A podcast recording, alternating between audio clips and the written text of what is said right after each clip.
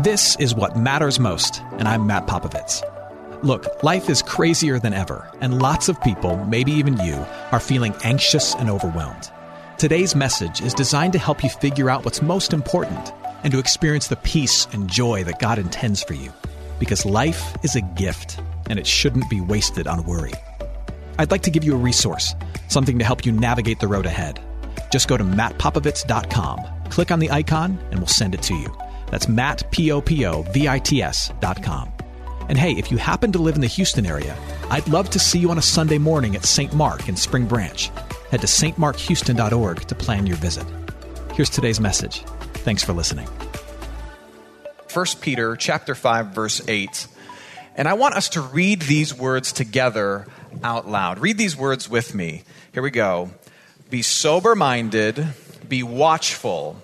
Your adversary, the devil, prowls around like a roaring lion, seeking someone to devour. Keep your mind clear and your eyes open, Peter says. The devil is on the prowl. It's a nice thought, isn't it? Not exactly the kind of verse you greet somebody with in the morning, right? Hey, good morning, Stan. Devil's out to get you, right? Now, even, even though these aren't pleasant words, here's my question as we begin this, this morning Do you believe these words? Does, does your worldview, the way you see things and understand things and make decisions about things, does it include the existence of evil and the reality of an enemy? We've been studying the images that God, through the scriptures, uses to describe his people, the church. And, and the reason I had us read that verse right at the beginning is because this final image that we're going to look at isn't just about us, but it's also about him, not the man upstairs, but you know, the one downstairs.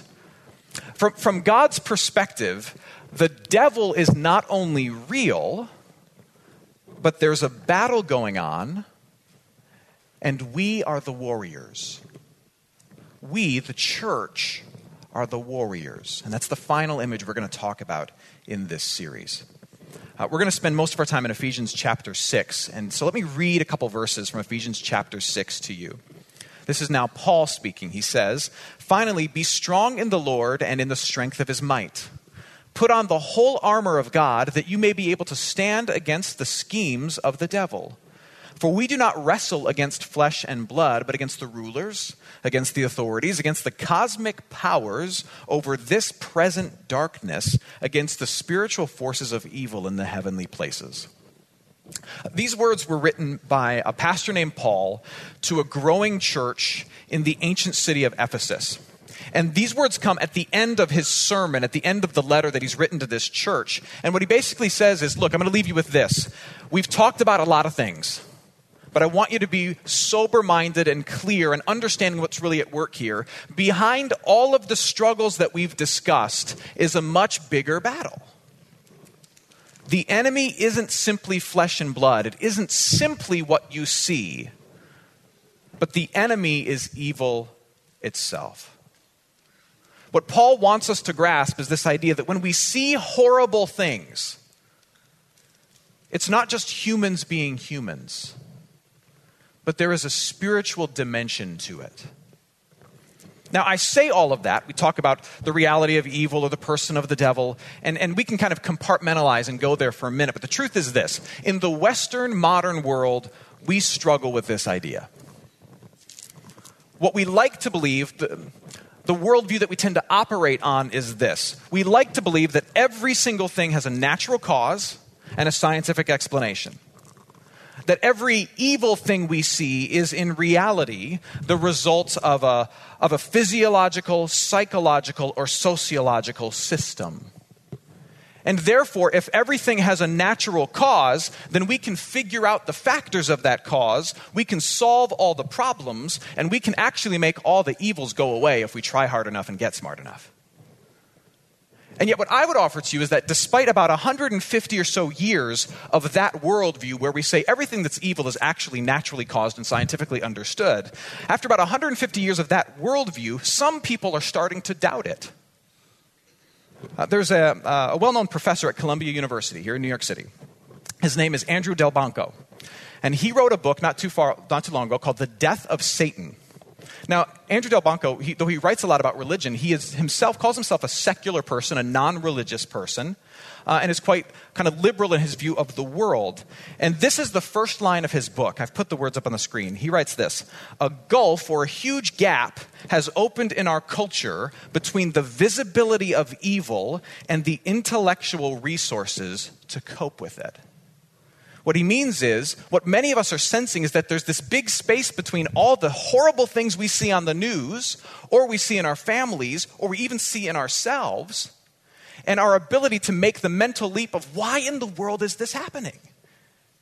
Why in the world is this happening? You see, we modern people, at one point, we, we got rid of the idea of cosmic forces of good and evil we don't even really like to use those terms because if there's good and evil, then that implies right and wrong, and I'm making a judgment about somebody, and, and, we don't even like to talk in those terms. But as time has gone on, it's gotten harder and harder to say that the Holocaust or ethnic cleansings or serial killing are merely the result of natural factors. It can't all just be mom's fault in the end.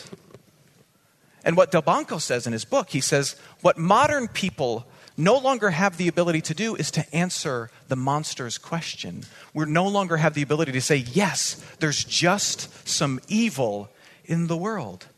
We read the news on our phones every morning, and what we've said for the last 150 years is that all horrors have scientific and social causes, but that answer is ceasing to be satisfactory. Maybe there is, after all, some big cosmic forces of good and evil in the world. Now, Delbanco says, as modern people, we're having a problem reconciling all the evil we see with our belief that it all has a natural cause. But the Christian worldview doesn't have that problem. The Christian worldview recognizes evil. The Christian worldview recognizes darkness. What the Christian worldview says is that Satan is real, and the biggest lie Satan tells people is not that you should follow him, but that there's no such thing as him. And then buying into it, we, we live our lives as if the surface stuff, like flesh and blood, is the only stuff. It's the most important stuff. We think, oh man, the biggest battle in the world is the battle I'm having right now with my girlfriend. So we desperately download some popular podcast on relationships. Or the biggest issue in my life right now is this enemy of my debt. So you start building a spreadsheet, crafting a way out of it. Well, you know what I'm at war with? I'm at war with my health. So I'm going to cut out carbs and do cardio. And while all of those things are important, Paul's point is that in the end, they're only symptoms of something greater. Behind every struggle are two things human sinfulness, which rebelliously screws things up, and evil itself, which tempts and lies and stirs things up. There's two things behind it all my own brokenness, which messes things up, and evil itself, which tempts and stirs things up.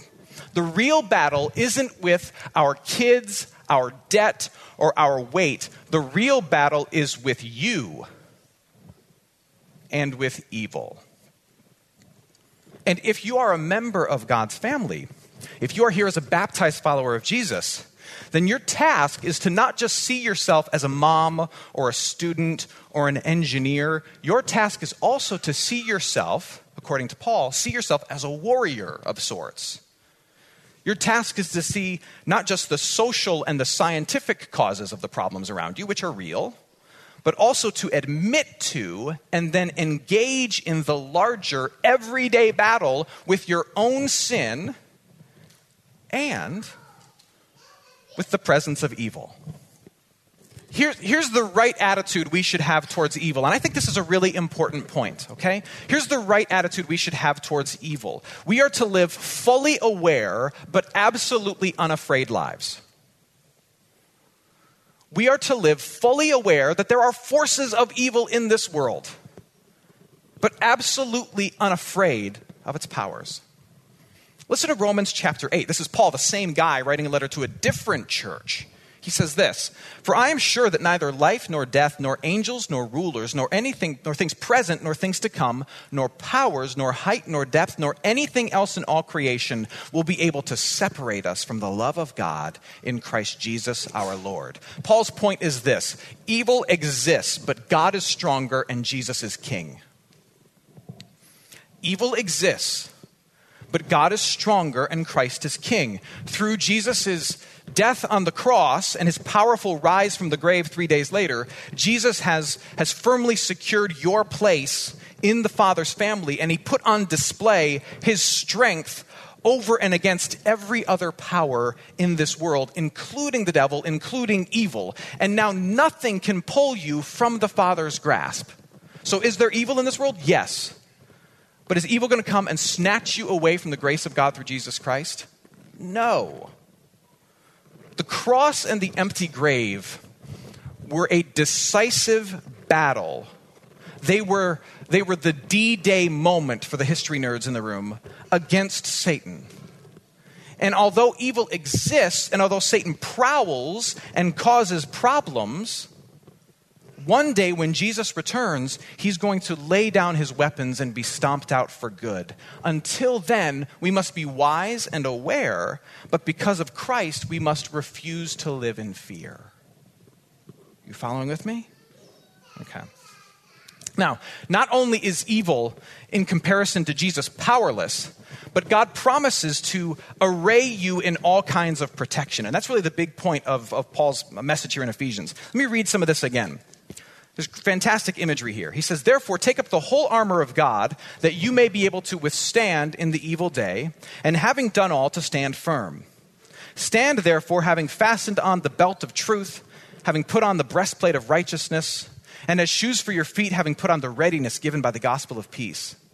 In all circumstances, put, take up the shield of faith with which you can extinguish all the flaming darts of the evil one, and take the helmet of salvation and the sword of the Spirit, which is the word of God. And Paul uses this imagery to talk about how we are protected from the powers of evil. Let's just leave that image on the screen for a moment. Now, typically, when someone studies this text from Ephesians chapter 6, people make much out of the different accessories that Paul lists the belt of truth, the breastplate of righteousness, the shield of faith. But here's what sticks out to me. In verse 13, who does Paul tell us that this metaphorical armor actually belongs to? Did you catch it? He says it belongs to somebody, and it doesn't belong to you. Who does it belong to? It belongs to God. It's His armor, it's His protection. You are completely covered by the armor and the power of God. And the armor and the power of God is the work of Jesus Christ that forgives your sins, makes you his daughter, and secures your future. You are completely covered by it. Which means the only power that evil has over you is power that you give to it power that you give to it when you decide to stupidly step outside from behind God's massive protection and invite problems. Like when you, you abandon truth by entertaining some idea you know to be a dangerous lie. Well, it's just drinks with a friend, a friend who I happen to find extremely attractive. My wife won't care. Or like when you choose to put your faith in something other than the promises of Jesus. Ah, you know what? I grew up in the church, but, but who needs God? I'm a good person. Besides, if, if God exists, then why does all this bad stuff happen? Why are there earthquakes, tsunamis, and Adam Sandler movies? Where is God, right? And to be honest, some of us do that a lot. We flirt with a lot of stuff we know we should not. And then we wonder why our life and our faith tends to take so many hits. It's because we refuse to stand behind the protection that God has given us, wander out on our own, and ignore our self destructive tendencies, underestimate the evil of this world, and refuse to say to the Lord, Lord, I'm in constant need of your mercy, your truth, and your peace, and the perspective that are mine through Jesus Christ. Hey, friends, it's Matt. If you're listening to us in Houston and you're looking for an excellent education in a Christian setting for your student, I'm inviting you to take a tour of St. Mark Lutheran School in Spring Branch. We serve infants through eighth grade with an excellent faculty, brand new facilities, and a faith forward curriculum. To schedule your tour, head to gostmark.org. That's G O S T M A R K dot org to schedule your tour today. St. Mark Lutheran School. It's excellent education for your son, your daughter, your little one. Now, back to today's message. There's a battle with evil, but Jesus is in control. So the powers of evil are limited, and as God's people, we have protection. I got it, but, but if this is a battle and I'm a warrior, then, then how do I fight back? Like, where's my gun? What's interesting is that in all the things that Paul lists off, there's just one offensive weapon. Look back at verse 17 with me. He gives us this. He says, The sword of the Spirit, which is the word of God. God gives his people just one weapon. And it doesn't at first sound like a really fun one. He gives us one weapon, and the weapon is his word. Now, at first, it might seem odd to you that, that this is the primary weapon God gives to us. And you might be ultra literal and say, well, what am I supposed to do with this as I fight against forces of evil? Like hit the devil with the Bible? Like, how does that work? Well, you have to remember how evil works. Satan is subtle. He doesn't show up in a red suit with lasers shooting out of his eyes. That'd be too easy. Here's how evil works evil tells you lies. That's how evil works. Evil tells you lies. For Satan, it's about two things it's about truth and trust. His goal is to get as many people as possible to buy into any truth that he can that pulls them from their need for Jesus. Or to get them to put their trust in anything other than Jesus, anything other than Jesus. So he whispers lies that distort your view of, of say, money and possessions so that you make it more than Jesus. He tells you half truths that tempt you to leave your family. You, you need to be happy. He kicks up doubt that causes you to question God's grace. Could he really forgive that? He's hammering away at truth and trust. He's tempting you to step out from behind that armor of the grace and mercy of Jesus Christ. And so God gives you his word primarily so that you can spot a lie and remember his promises.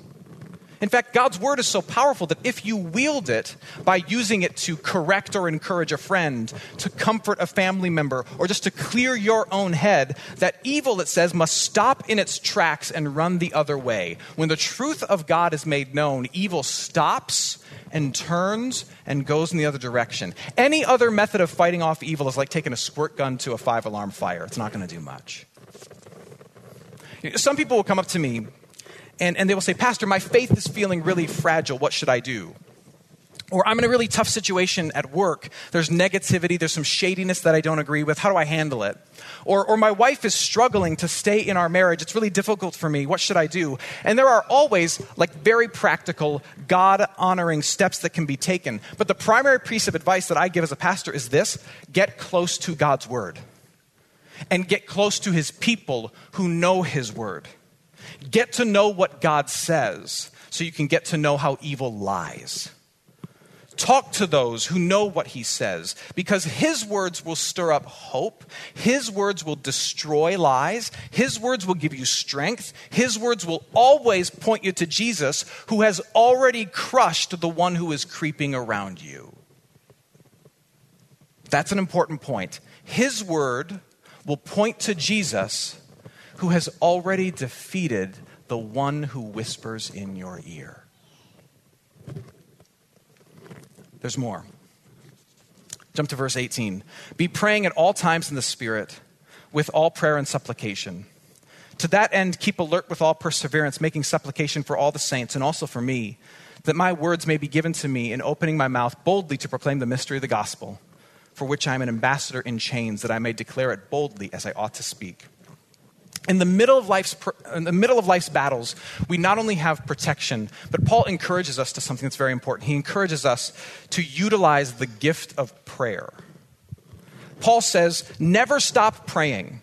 Because there's a battle going on never stop praying for yourself and for other people. Why? Well think about it this. If god's word is the weapon of choice how we fight this battle, then prayer is, is how, we, how we request reinforcements and send help in this battle. Now, I understand that, that whenever I say, like, hey, what you need to do is pray, for some people that's like white noise. They tune it out. Yeah, yeah, yeah, I'm supposed to pray. For some of us, if the answer is prayer, that often feels like a cheap, unsatisfactory answer. But here's the thing prayer is only a cop out if you actually don't believe in it, or if you've never really had the guts to do it. I would argue that most of the time when people say, yeah, but my prayers aren't doing anything, most of the time, if you really pressed and peeled underneath the surface, there's not actually a whole lot of praying going on. Here's the reality the battle is waging all around us, and some of us in this room are taking heavy hits right now. You're protected, you're loved, but you're taking hits. Some of you are hurting. Some of you are doubting God's goodness. You're flirting with something stupid. Your anger is at a boil. Your sadness is deep. This, same, this may seem like a silly question for you, but have you called out to God? Have you asked Him to help you in this battle, to restore your faith, to remove you from temptation, to surround you with support? On the flip side, if someone you know is hurting and wounded, have you even considered sending prayers out for them? We often say, My thoughts are with you. And I always want to say, What in the world is that going to do? I think about a lot of stupid stuff. I don't need your thoughts. I need the unseen forces in this unbelievable world to come to my rescue. And I need you who believes in those forces to call upon them and to help me. That's what I need.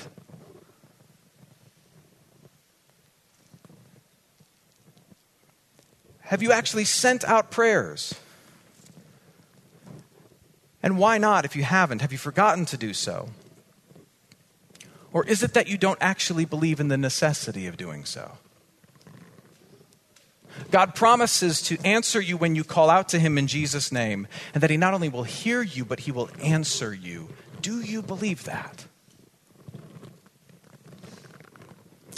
In his book Fuzzy Memories, Jack Handey, who was a comedy writer on Saturday Night Live for years, if you were alive in the 90s and watched Saturday Night Live, you know Jack Handey. Deep thoughts. He writes this He says, There used to be this bully who would demand my lunch money every day. And since I was smaller than him, I would give him my money. Then I decided to fight back. I started taking karate lessons. But the instructor wanted $5 a lesson. That was a lot of money. I found that it was cheaper to pay the bully. so I gave up karate. Here's what I think many Christians believe that when it comes to evil, it's easier to just pay the bully rather than learn how to fight. It's easier to pretend that evil doesn't exist or to just deal with the difficulties rather than live fully aware but absolutely unafraid. There is a battle going on. Where in your life do you see it being waged? Is there an area of your life where truth and trust are turned upside down? Is there someone you know who has bought into a powerful lie? Have you been walking around living in too much fear? What is it? Now answer me this What church are you going to do about it?